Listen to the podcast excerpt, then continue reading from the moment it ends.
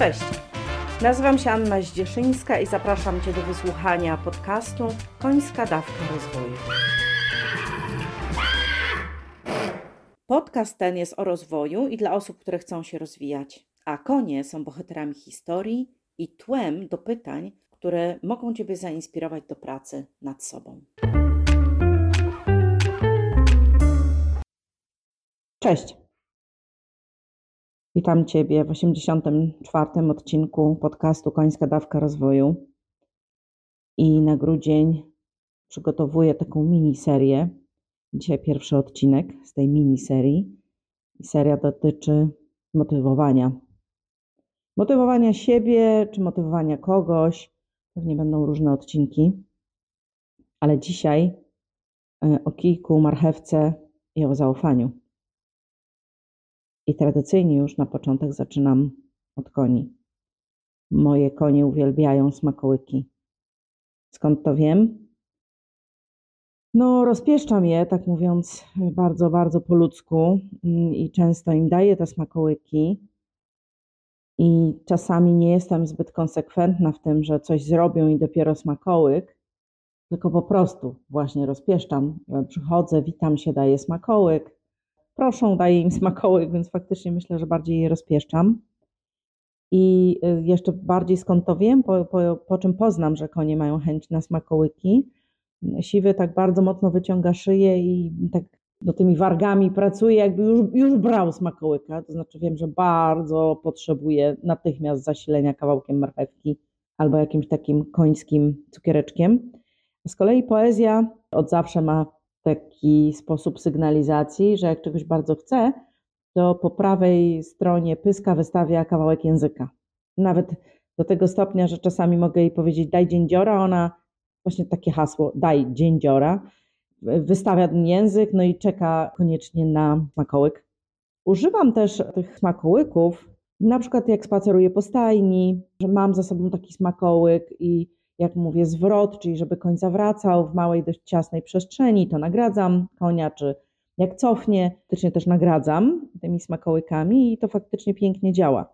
Czy używam czasem kijka? No tak. I kijek w tym sensie jeździeckim to jest bacik. Najczęściej mam krótki bacik ze sobą, na przykład jak, jak e, lążuję poezję. Oczywiście są specjalne baty do lążowania, które pokazują kierunek, ja, mi wystarczy krótki bacik, którym pokazuję różne rzeczy, ale czasami zależy mi na tym, żeby koń się ode mnie odsunął i tak jak go dotykam tym batem, czy w jego stronę ten bat kieruje, to one się odsuwają. Czyli osiągam to, co chcę, ale koń się odsuwa.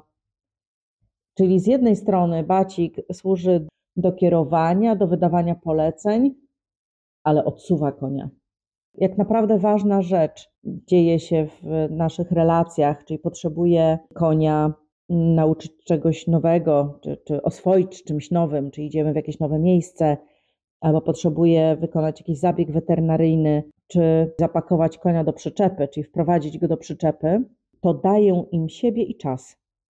Bo jak koń się czegoś obawia, to na kawałek marchewki on go zje, ale nie zadziała.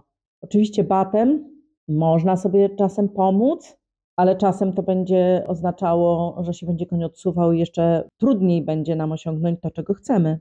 Czyli w tym momencie, kiedy daję siebie, jestem z nimi, daję im czas, na przykład głaszczę po szyi albo delikatnie przemawiam, jestem i czekam. I to daje fantastyczne efekty. I tak sobie myślę, przenosząc na grunt ludzki, to to, co ja robię z moimi końmi, to jest budowanie zaufania. I ten kijek i marchewka ma takie znaczenie codzienne, trochę to paliwa daje, trochę utrzymuje w jakichś tam ryzach konia. Jeśli widzi, że idę z batem, no to raczej się ode mnie odsuwa, idzie kawałeczek dalej. Nie jest tak blisko, że na przykład mnie wtedy nadepnie, więc po, po to między innymi mam ten bat. Wracając do ludzi, spotykam się często w różnych relacjach. Oczywiście ja dużo pracuję z menedżerami zawodowo, więc odnoszę to do sytuacji z menedżerami, ale też w relacjach po prostu w domach. Ludzie opowiadają, no to używamy kijków i marchewek. Marchewka w relacjach biznesowych to często pieniądze, jakaś nagroda. Reprymenda, no to będzie kijek. No ale główna moja myśl idzie w kierunku tego, a kiedy coś ludzie zrobią, bo ty ich o to prosisz. I druga rzecz związana z zaufaniem, no bo jak ty ich prosisz, a oni to robią, to wygląda na to, że ci ufają. Druga rzecz związana z zaufaniem, to jest na ile ty im ufasz. Im, czyli twoim ludziom, twoim dzieciom, osobom w relacji, na ile ty ufasz.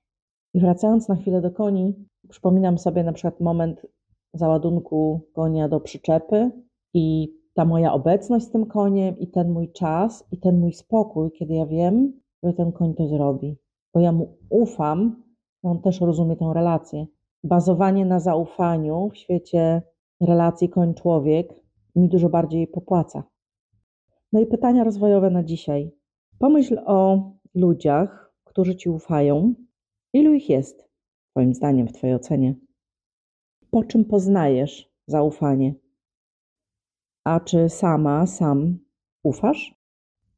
Dzięki za dziś. Pozdrawiam serdecznie. Pa!